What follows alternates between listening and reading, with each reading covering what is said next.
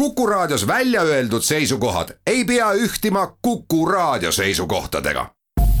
Te kuulate Kuku Raadiot. olukorrast ajakirjanduses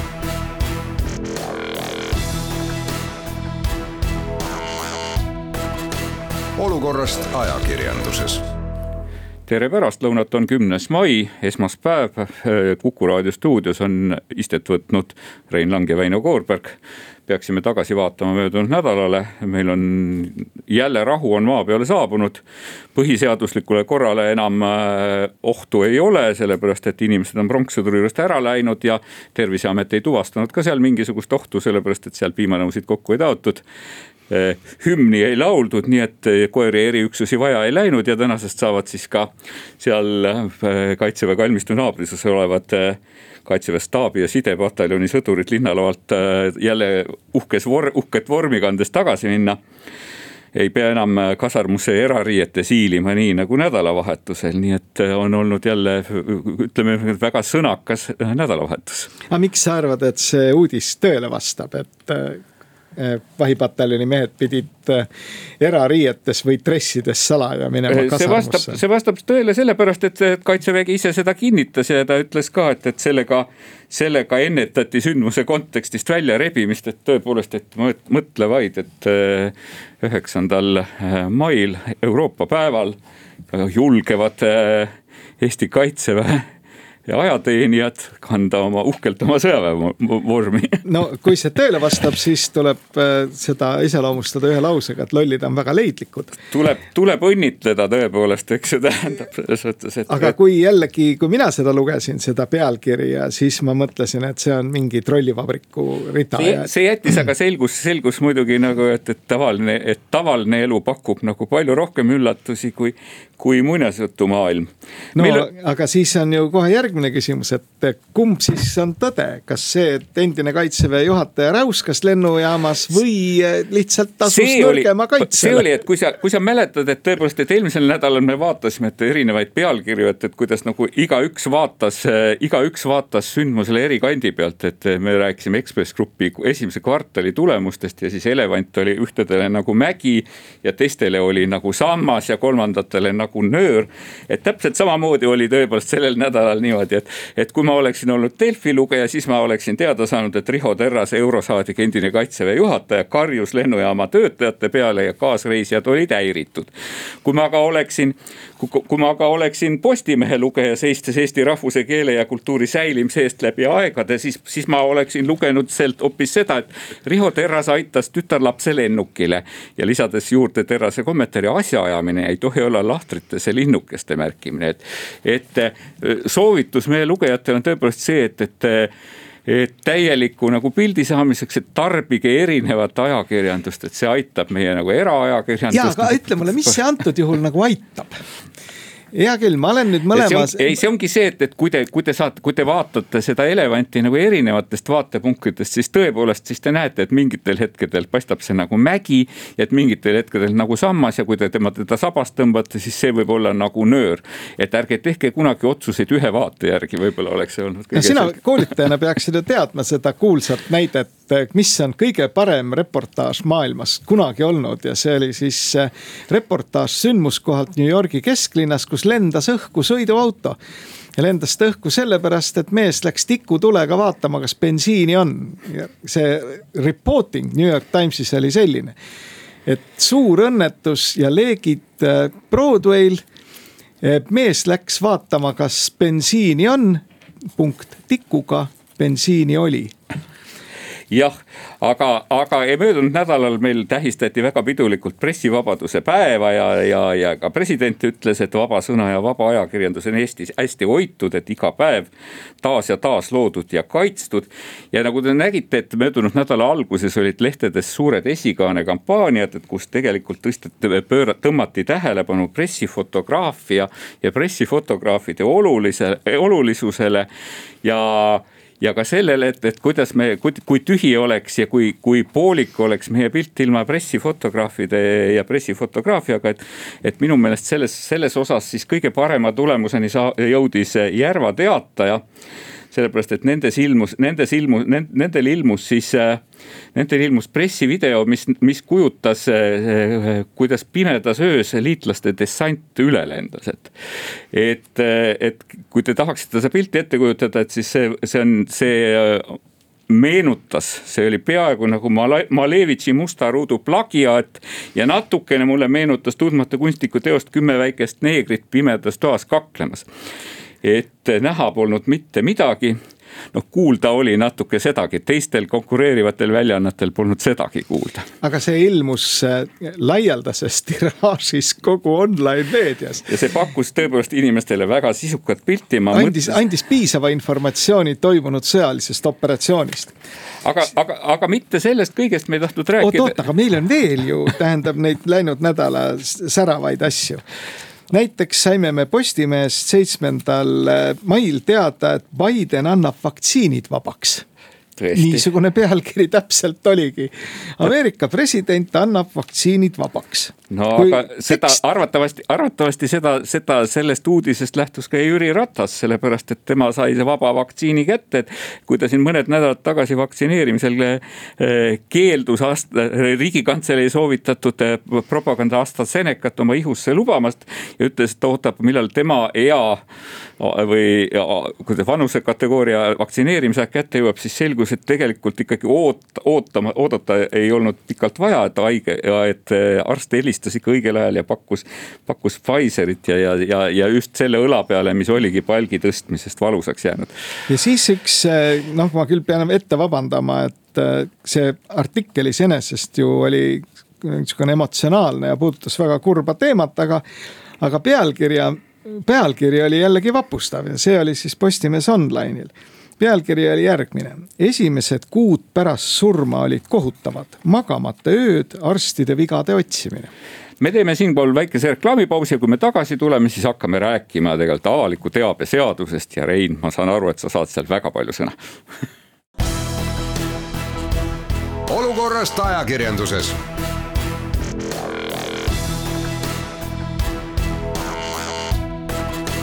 Olukorrast ajakirjanduses. Rein Lang ja Veino Koolberg räägivad olukorrast ajakirjanduses ja mitte üksnes ajakirjanduses, ka olukorrast avaliku teabe vallas. ja räägime sellepärast, et juba mitu nädalat äh, pommitavad poliitikud ja Eesti Ekspressi uuriva ajakirjanduse isa Tarmo Vahter üksteist avalike kirjadega äh, sai see alguse sellest, kui Tarmo Vahter kirjutas avaliku äh, kirja kaitseminister Kalle Laanetile E, esitas talle küsimuse, Kalle Laanet, miks sa lood riiki, kus rahvas ei tohi midagi teada. ja selle ajendiks oli siis järjekordne plaan muuta meie ühel ajal, mingisugusel ajal väga suure eduloona tuntud avaliku teabe seadust uuesti ja kehtestada sinna siis nagu uued, uued mängureeglid ja siis selgub, et kaitseminister kooskõlastas kaitseministeeriumi poolt parandused lisaks riigisaladustele ja juurdepääsupiiranguga informatsioonile võiks piirata ära oma äranägemisel erinevad ametiasutused juurdepääsu ka kõik igasugustele muudele dokumentidele, kui selleks võiks olla mingisugune põhjus. ja seda juurdepääsu võiks põhja, piirata viie aasta kaupa lõputult. senine seadus näeb seda võimalust, et saab piirata viieks aastaks ja seda siis veel viie aasta võrra äh, pikendada.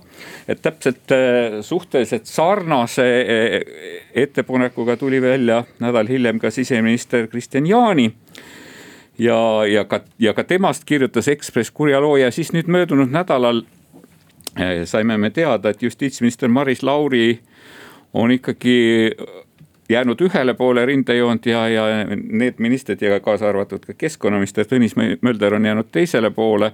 ja Maris Lauri, kes peab selle seaduseelnõu nüüd kuidagi riigikokku sisse lükkama, ei ole neid ettepanekuid arvesse võtnud, aga ma saan aru, et minu vastas istub siin praegu Rein Lang, tõmbab selg, on tõmmanud selga omaaegse meediajuhi kuue ja meenutab seda aega, et kui kaks tuhat üks kaks tuhat või kaks tuhat üks, kui see seadus, kaks tuhat üks hakkas see vist kehtima, ma saan aru, kui see vastu võeti et seda seadust nagu avaliku teabe seadust, ajakirjanikud kiitsid seda tegelikult, seda kiitis avalikkus ja, ja öeldi, et see on nagu üks Euroopa üks moodsamaid seadusi mis sa selle kohta ütled, sina Agu, olid, sina olid süüdlane toona vist seal. Agu Sihvka ütles selle peale, et kõik ilusasti ära rääkida, tuleb alustada algusest peale. et Eesti Vabariigi põhiseaduses nimelt on selline paragrahv, kus on öeldud, et igaühel on õigus vabalt saada üldiseks kasutamiseks mõeldud informatsiooni. Ja nüüd aastal kuskil üheksakümmend kaheksa olid pinged selles osas tõusnud üsna kõrgele, nimelt sellest paragrahvist said kõik eri moodi aru ja keegi ei teadnud, kuidasmoodi see siis käib, et kuidas seda avalikku informatsiooni ehk siis seda teavet, mis iga päev tekib avaliku võimu koridorides. olgu need siis ministeeriumid või kohalikud omavalitsused, pole tähtis, peaasi, et on tegemist avaliku võimuga. et kuidas sellele teabele siis nagu üldse juurde pääseb ja. siin no, oli nagu kaks teed. oli äh, Illar Aarelaiu nimeline mees töötas sel ajal siseministeeriumis, kes süstemaatiliselt koputas siis äh, siseminister Olari Taali kabineti uksele ja ütles, et kuule, et, et noh, see asi tuleb ära klaarida ja siis ma mäletan, sõber Olar helistas mulle, ütles, et kuule, et kas sa oleksid valmis juhtima vastavat töörühma, kes niisuguse seaduseelnõu teeb. Ja kuna mul hetkel oli ka aega, siis ma ütlesin, et okei okay,, et miks mitte ja natukene me siin vaidlesime selle ümber, et kes sellesse töörühma kuuluvad. aga see oli väga kõrgetasemeline seltskond, kes kõik olid kursis nagu sellega, mis selle informatsioonileviga siis maailmas toimub ja nii me siis hakkasimegi pihta ja ma mäletan neid kirglikke vaidlusi toonase siis Vabariigi Valitsuse riigikantseleile kuuluvas mingis puhkekeskuses Lohusalu, mida nimetati Lohusalu pansionaadiks.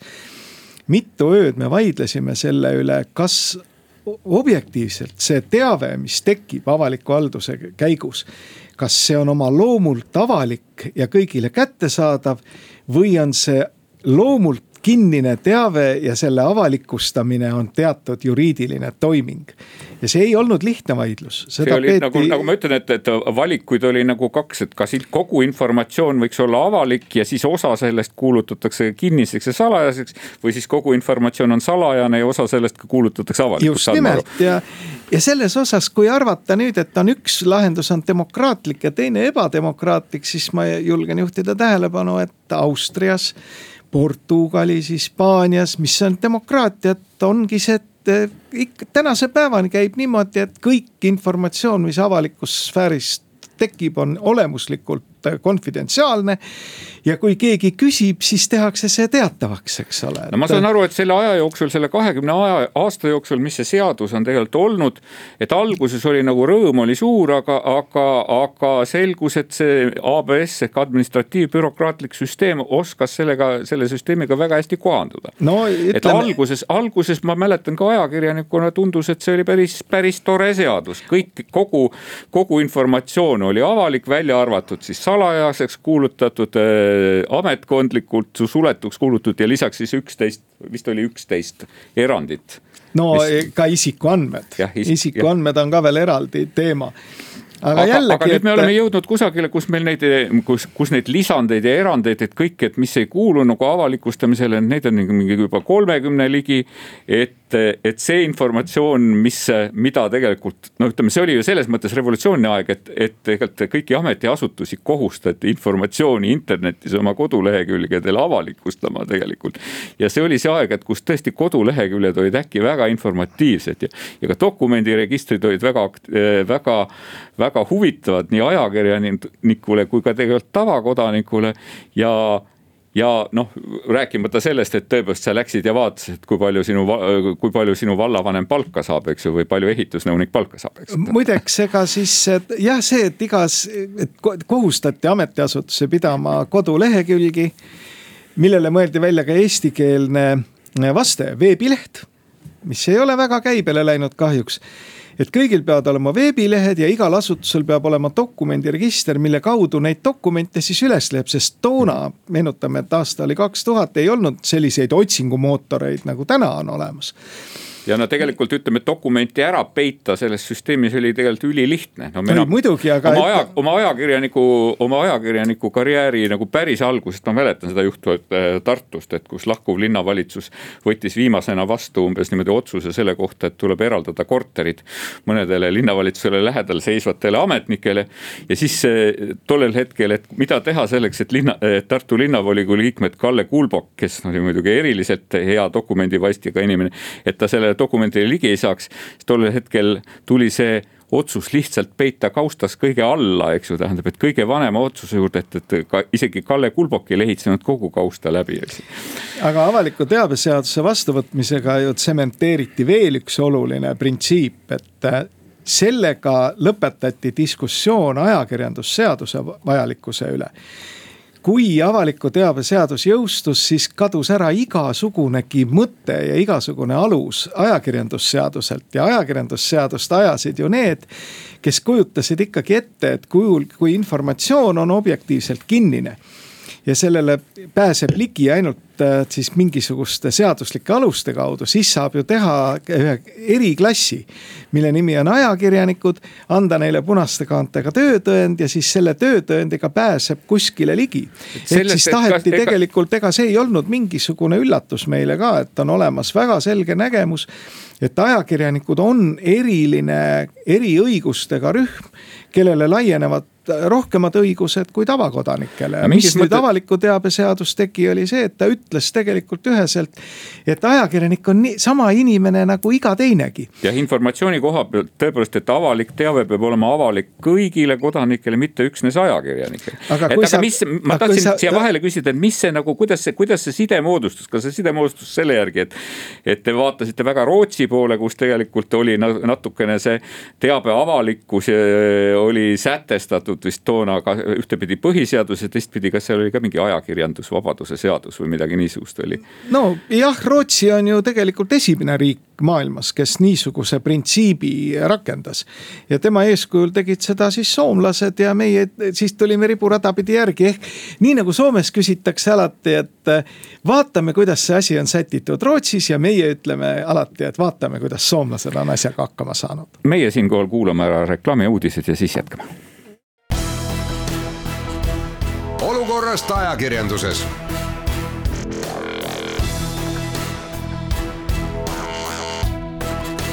olukorrast ajakirjanduses Rein Lang ja Väino Koorberg Kuku raadio stuudios ja räägime isegi mitte niivõrd ajakirjandusest, kui räägime avalikkusest ja. ja räägime põrguteest, mis on sillutatud heade kavatsustega, avalikkuse teabe seadusest. mille üks töörühma juht istub minu vastas siin praegu. meenutame aega, et kakskümmend aastat tagasi, kus revolutsiooniline seadus tegi äkki äh, teabe selle, selle, kuidas käis otsustusprotsess äh, avalikes äh, võimuasutustes, kuidas käis otsustusprotsess kohalikus omavalitsuses, tegi äkki kõigile kättesaadavaks, see laine lõi meil üle pea. aga nüüd me oleme jõudnud kuidagi nagu teise äärmusesse, kus äh, kirjavahetust enam ei registreerita, kus dokumendid on kõik kuulutatud asutusesiseseks kasutamiseks, on saanud punase templi peale. Nagu ütleb Erik Moora viimases Ekspressi juhtkirjas, võim on lukus, ära näpi kodanik. Ega siis mina üritan seda vaadata niisuguse konstitutsioonilise juristi pilguga, et ega selles iseenesest ei ole ju midagi ennekuulmatut, et ABS ehk administratiivbürokraatlik süsteem üritab maksimaalselt alati kasutada ka legaalseid teid selleks, et tal endal mugavam oleks ja aegade jooksul nüüd alates kahe tuhandendast aastast, kui parlament selle avaliku teabe seaduse vastu võttis, seda on üks kord põhimõtteliselt ringi ja läbi vaadatud, see oli aastal kaks tuhat seitse. ja siis ma tõesti olin juba justiitsminister, erinevalt siis kahe tuhandendast aastast, mida Ekspress mulle omistab. et ähm, ja siis vaadati ka selle pilguga, et kas on midagi, mis tuleks selles seaduses nagu muuta või paremaks teha, aga rohkem ei ole sellega tegeldud. ehk täna on aasta kakskümmend kakskümmend üks, kahe tuhande seitsmendal aastal oli viimane kord ja kõik see vahepealne periood on olnud siis ühe või teise ametkonna soovi täitmine. ehk siis võimaldada tal ehk sellel ametkonnal kehtestada mingisuguseid juurdepääsupiiranguid avalikule informatsioonile, sest see olevat ülivajalik. iga kord ma mäletan, saab sellele ülivajalikkuse argumendile vastata sellega, et kui on teil mingi informatsioon mis olemuselt on saladus, siis kuulutage see riigisaladuseks, kui te leiate selle aluse ja lööge sinna punane tempel peale ja menetlege seda seadust või seda informatsiooni siis vastavalt riigisaladuse seadusele. aga seda ei taha ju keegi teha. kõik, kõik tahaksid rohkem seda, et neil oleks see üks tempel asutusesiseseks kasutamiseks ja keegi rohkem sellele ligi ei saa. ja see on muidugi saatanast. selle kohta on Erik Muuro ise teinud suurepärase näite, ta ütles, et ta läks ja vaatas juhuslikult valitud omavalitsusse Lüganuse valda tollel hetkel koduleheküljel ja vaatas sada kõige uuemat dokumenti, et seitsekümmend seitse neist olid täielikult salastatud ja kakskümmend kolm avatud dokumenti olid täielikult formaalsused. kuidas me siis kahekümne aastaga sinna oleme jõudnud, ma mäletan, et paar aastat tagasi eh, Tarmo Vahter sai aasta parima arvamusloo tiitli, kui ta kirjutas loo, et kes kurat loob Eestis riiki, kus keegi midagi teada ei tohi. Ja ta tõi seal tegelikult väga värvikaid näiteid, mida kõike on püütud siis tegelikult varjata, et, et ta kirjeldab, kuidas ta küsis Eh, kirjavahetust presidendi kantseleist, miks, miks Arnold Rüütel, tänane sünnipäevalaps, palju õnne talle, oli andnud autasusid paljudele oma kaasvõitlejatele, täpselt samamoodi on ta küsinud, et miks Toomas Hendrik, Hendrik Ilves on jätnud seitsmekümnele autasustamiseks esitatud tuntud inimesele ordeni andmata. et, et ta on äh, toonud näite sellest, kuidas Politsei- ja Piirivalveamet hoidis riigisalatu- sal,, saladusena seitsmekümne, tuhande üheksasaja seitsmekümne seitsmendast aastast pärinevat jälitustoimikut Lõhkajad, mis sisaldas infot Moskva metroopommi panijate tagaotsimisest ja Eestis toimunud nõukogude vastastest protestidest ja siis, kui see, kui ta selle välja, kui ta selle välja tellis, et siis ta sai toimikust kakssada lehekülge koopiaid, aga Eesti NSV miilitsatöötajate nimed olid kinni kaetud. et ja nii edasi ja nii edasi, tegelikult ma, nagu ma ütlen, et üha raskem on saada jälile tegelikult meie kõrgete ametnike majanduslike huvide deklaratsioonidele. me ei tea enam, kui palju makstakse poliitilistele nõunikele. meil üha rohkem tahetakse salastada kõikvõimalike kinnisvaraarendustega seotud seotud informatsiooni. nüüd ma sain aru, et, et tegelikult äh, keskkonnaminister äh, tahaks hea, hea meelega, hea meelega kinni panna ka kinni panna ka siis kinnistusraamatu täiesti, et teil ei ole sinna nagu asja ja võib-olla inimesed ei taha teada, mis neile kuulub. kuidas me selleni jõudnud oleme? No eks me oleme jõudnud ikka selleni läbi selle ABS-i ehk. kas see on see konnakeet, kas on, kas on see konna keetmine nüüd, et, et me oleme olnud tegelikult rahul sellega, et seesama seadus, mis oli väga eesrindlik. mis oli tegelikult ka ajakirjanikele, andis väga palju võimalusi. et eh, noh, asju kajastada, tuua esile ja, ja no tegelikult no seesama põhiseaduse, põhiseaduse punkt ju ju nagu rõhutabki seda, et, et, et no, milline vaata, on hea ühiskond. ei no ei maksa nüüd nii absolutiseerida jälle seda ajakirjanduse rolli, ajakirjanduse jaoks loomulikult peaks olema avaliku teabe seadus väga oluline tööriist aga mitte ainult ajakirjanduse jaoks, vaid ka kõigile teistele ühiskonnaliikmetele, et see loogika, millega see kaks tuhat ikkagi paika löödi. on ju see, et iga inimene omaenda koduarvutist pääseb ligi sellele informatsioonile, mida tal parajasti vaja on ja ta ei pea minema seisma kuskil mingi kabineti ukse taga.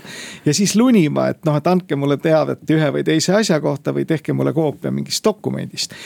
aga mis on jah, ega siis iga bürokraatia laieneb, laieneb või areneb ainult laienemise suunas, see on kindel üks ühiskonna arengureegel. ja poliitika poliitikute ülesanne läbi demokraatlike valimistegi ongi tegelikult ju seda administratiivbürokraatlikku süsteemi ohjeldada nüüd ja nüüd tuleks ajakirjandusel minu arvates vaadata otse peeglisse.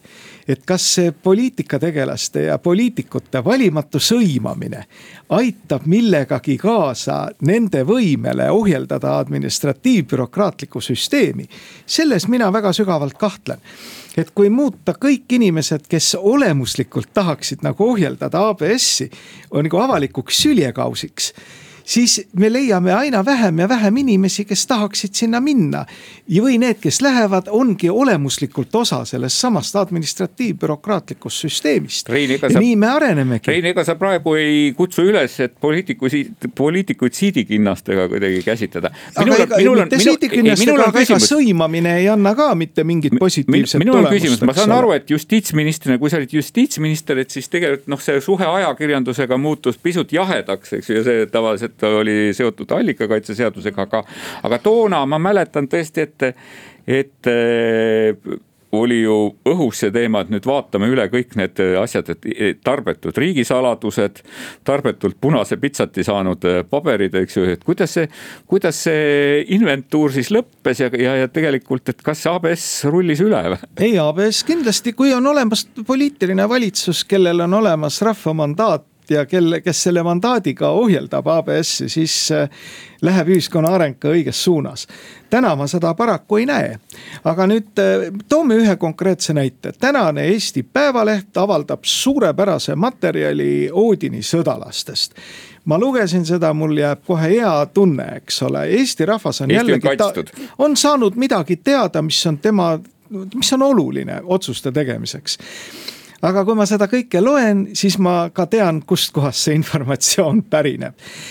ja aga minu sa, arvates. sa tead seda, aga seda ei ole selles artiklis kirjas. no ei aru. ole jah, ja kui palju on tegelikult sellist informatsiooni, millel tänane on see punane tempel peale löödud ja mida tegelikult ei tohi avalikustada, et kui isegi keegi inimene, kes selles süsteemis töötab, leiab, et on hädavajalik seda avalikustada. siis ta peab tegema tohutuid jõupingutusi selleks, et see punane tempel sealt maha saada ja lihtsam on seda ju mitte teha ja jätta kõik nii, nagu on aga see, et, et sellist informatsiooni on ühiskonnal vaja, on, on tõsi. Ja minu meelest tuleks meil ka uuesti läbi vaadata kõik need alused, mis võimaldavad ühe või teise infot äh, nagu riigisaladuseks tunnistada. ja see, mis puudutab seda avaliku teabe seadust, siis need üle kolmekümne erandi, mis sinna on nüüd kokku kirjutatud, no ma arvan, et viisteist võiks sealt rahulikult välja visata. Aga see nõuab poliitilist tahet. Ja muide, ma toon veel ühe näite et täna on Eestis selline süsteem, et kui keegi pargib oma auto teie garaaži ette siis te ei saa sellele inimesele otse helistada, sest te ei saa kunagi teada, kellele see auto kuulub. Te peate helistama politseisse ja lootma nende heatahtlikkusele, et nemad siis nagu ja nad reageerivad. Nad, nad alati ei ole ka heatahtlikud. noh, teinekord ka ei jõua, eks ole, mida iganes. ka see tuleks läbi vaadata, kas tõesti see autonumber ja siis see isik, kes, kelle kasutuses see on, et ma saaks temaga ühendust võtta. kas see olemuslikult peab olema nagu kinnine informatsioon, samas kui kinnistuid puudutav informatsioon on täiesti avalik või firmade juhtkonda puudutav informatsioon on avalik, eks. Rein, ära anna nüüd ABS-ile uusi ideid, eks ju, veel asjade sulgemine.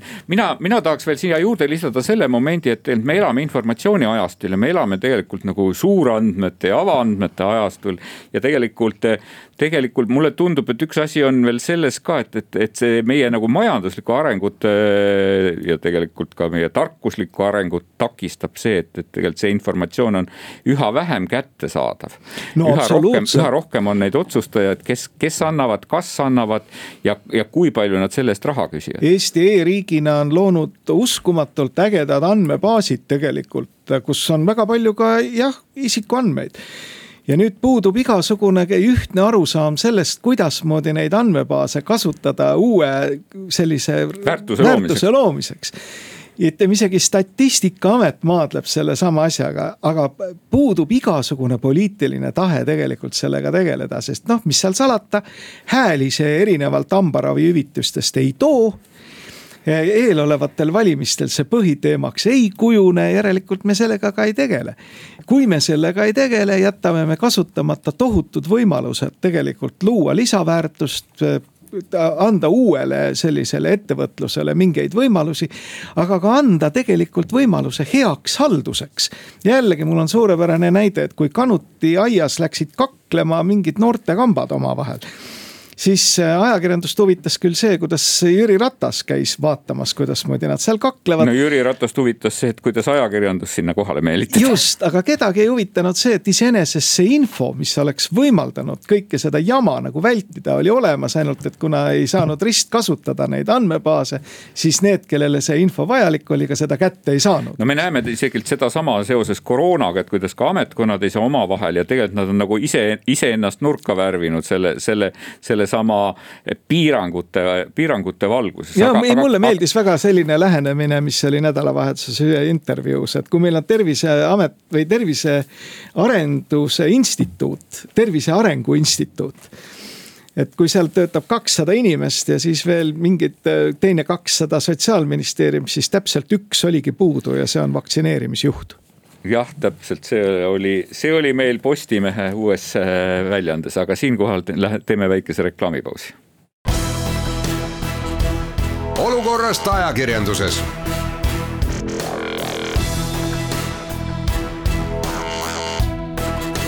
olukorrast ajakirjanduses Rein Lang ja Väino Koorberg räägivad nüüd viimase veerandi ka nüüd püüavad natukene rääkida ajakirjandusest. ühele eh, intervjuule sa juba vihjasid, intervjuu oli Toomas Annuse intervjuu äh,. uuenduskuuri läbi teinud Postimehe nädalas, mis sa sellest nädalast arvad?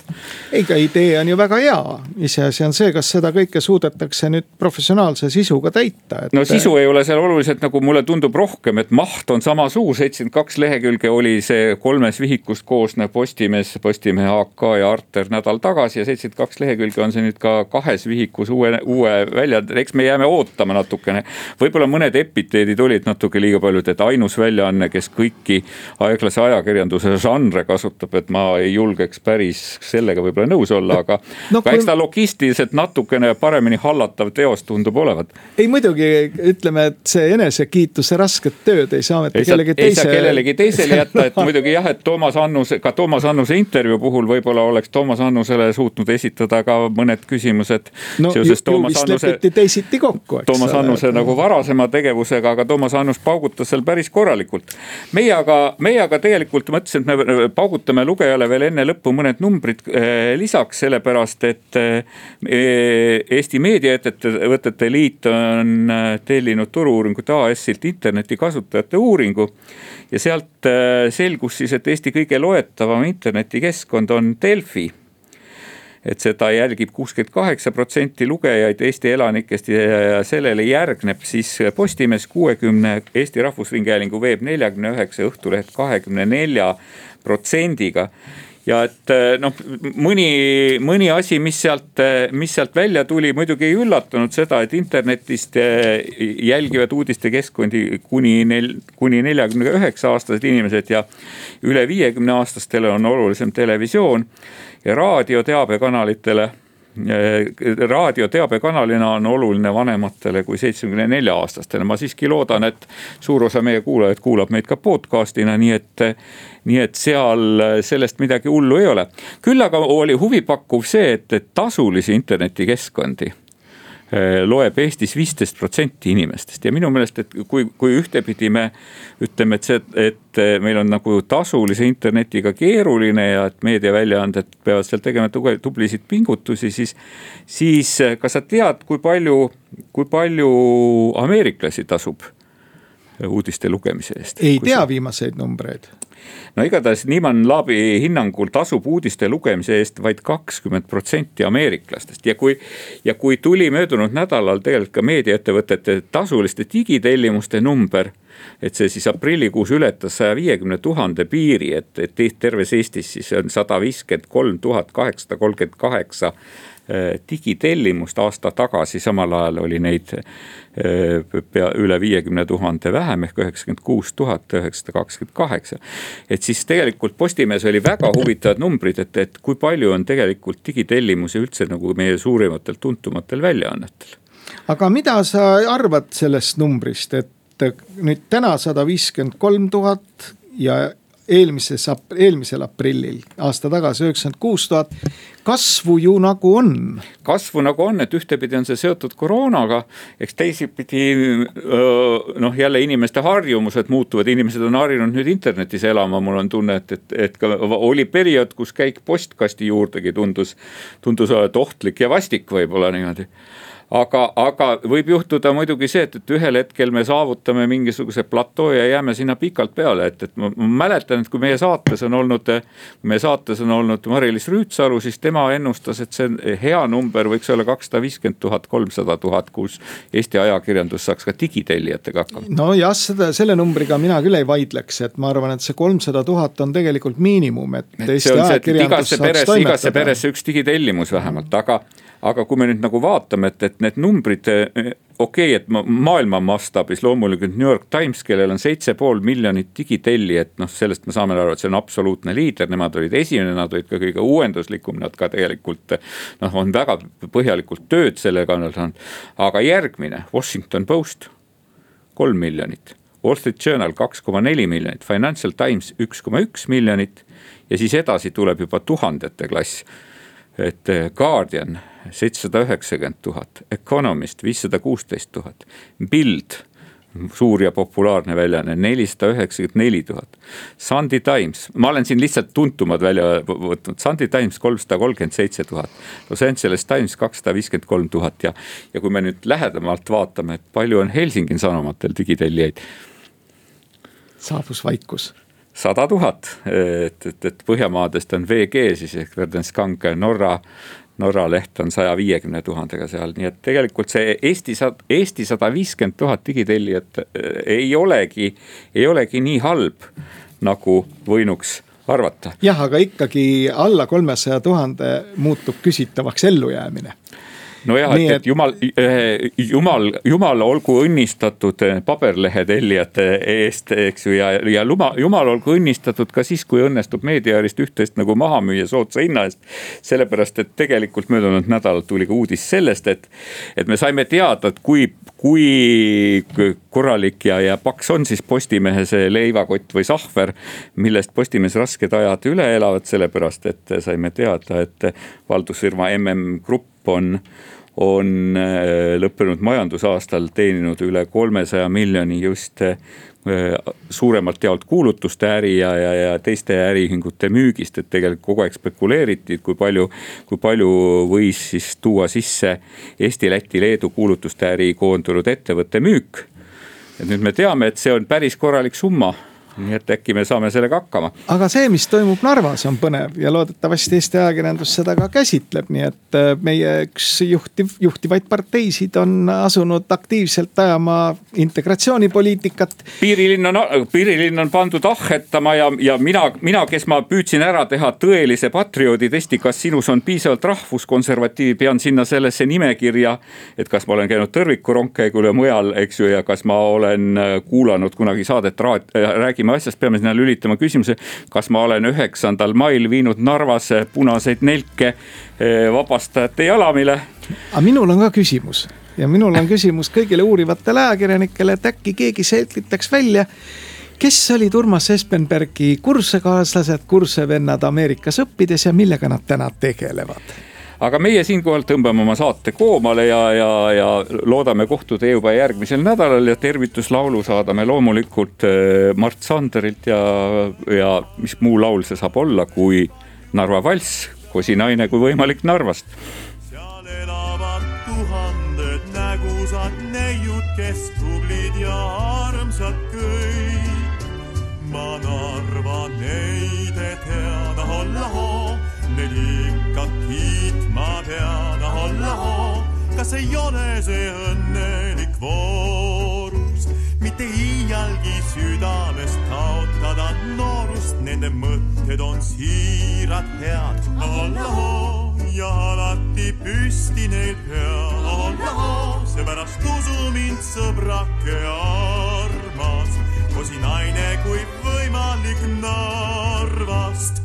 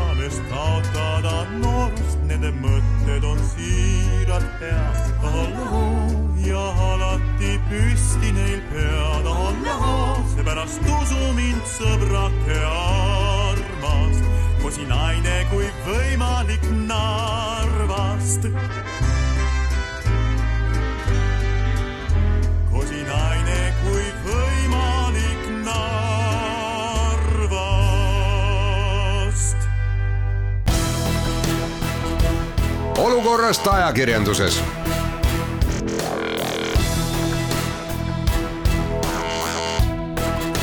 olukorrast ajakirjanduses